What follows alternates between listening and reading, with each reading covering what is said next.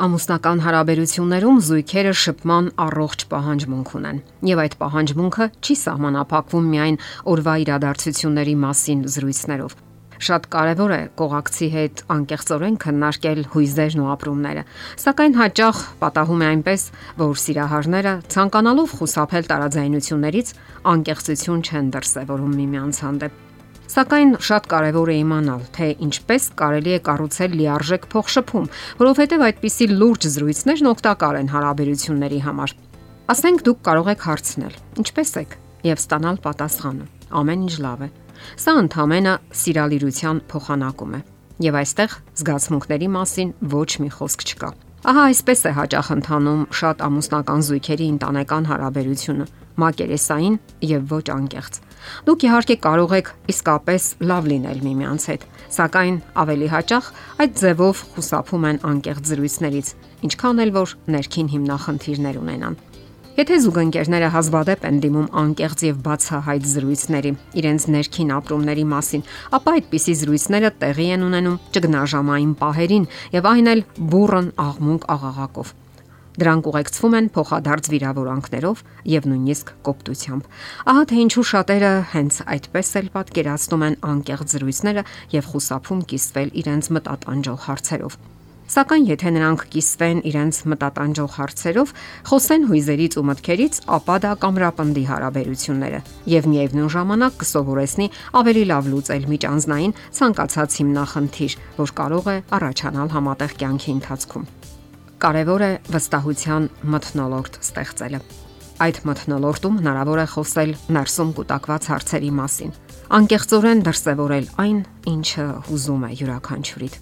կարելի է առաջարկել կառուցողական մոտեցումներ եւ նույնիսկ ընդունել միմյանց քննադատական մոտեցումները, եթե դրանք համապատասխանում են իրականությանը։ Այս արվեստը կարելի է սովորել, եթե հատկապես այն կիրառվում է հարաբերությունների հենց սկզբից։ Կարևոր է նաև կարողանալ սթափ գնահատել ցանկացած իրավիճակ եւ իրատեսորեն քննել սեփական արարքները։ Կողմերից յուրաքանչյուրը պարտավոր է հստակ իմանալ իր ցավոտ տեղերը, իր թուլությունները, սխալները, վախերն ու մարդկային անկատարությունները։ Սեփական թերություններն իմանալն ու ըստ դրանց գործելը լավագույն մոտեցումն է հարաբերություններում։ Ասենք որ ցանկացած զույգի կյանքում կան թեմաներ, որոնց մասին ընդունված չէ խոսել։ Դա ցավ է պատճառում նրանց Դրանց թվին կարող են պատկանել կողմերից մեկի արտաքին տեսքը, կրթությունը, ընտանիքը, որտեղից նրանք դուրս են եկել, կրոնական մոտեցումներն ու ընկալումները, քաղաքական հայացքները եւ այլն։ Հաճախ նույնիսկ ամենաանմեղ ակնարկն անգամ կարող է լուրջ ցավ պատճառել դիմացինին եւ ոչ միայն ցավ պատճառել, այլև ագրեսիվ վերաբերմունք հրահրել եւ արդյունքում արգելակել ազնիվ ու անկեղծ փոխշփումը։ Ինչ կարելի ասել գաղտնիքների մասին։ Ամուսնական հարաբերություններում սրանք նման են դանդաղ գործող ռումբերի։ Կողմերը կամ կողմերից մեկը աշխատում է գաղտնի պահել ինչ որ բան կամ բաներ։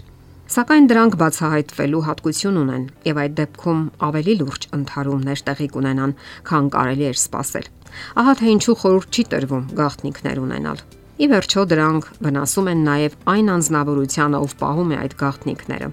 Մի երևույթ, որը հաճախ է բացակայում ամուսնական հարաբերություններում, լսելն է։ Լսելու հմտությունը փոխշփման լուրջ արվեստ է։ Այն կարելի է նաև սովորել։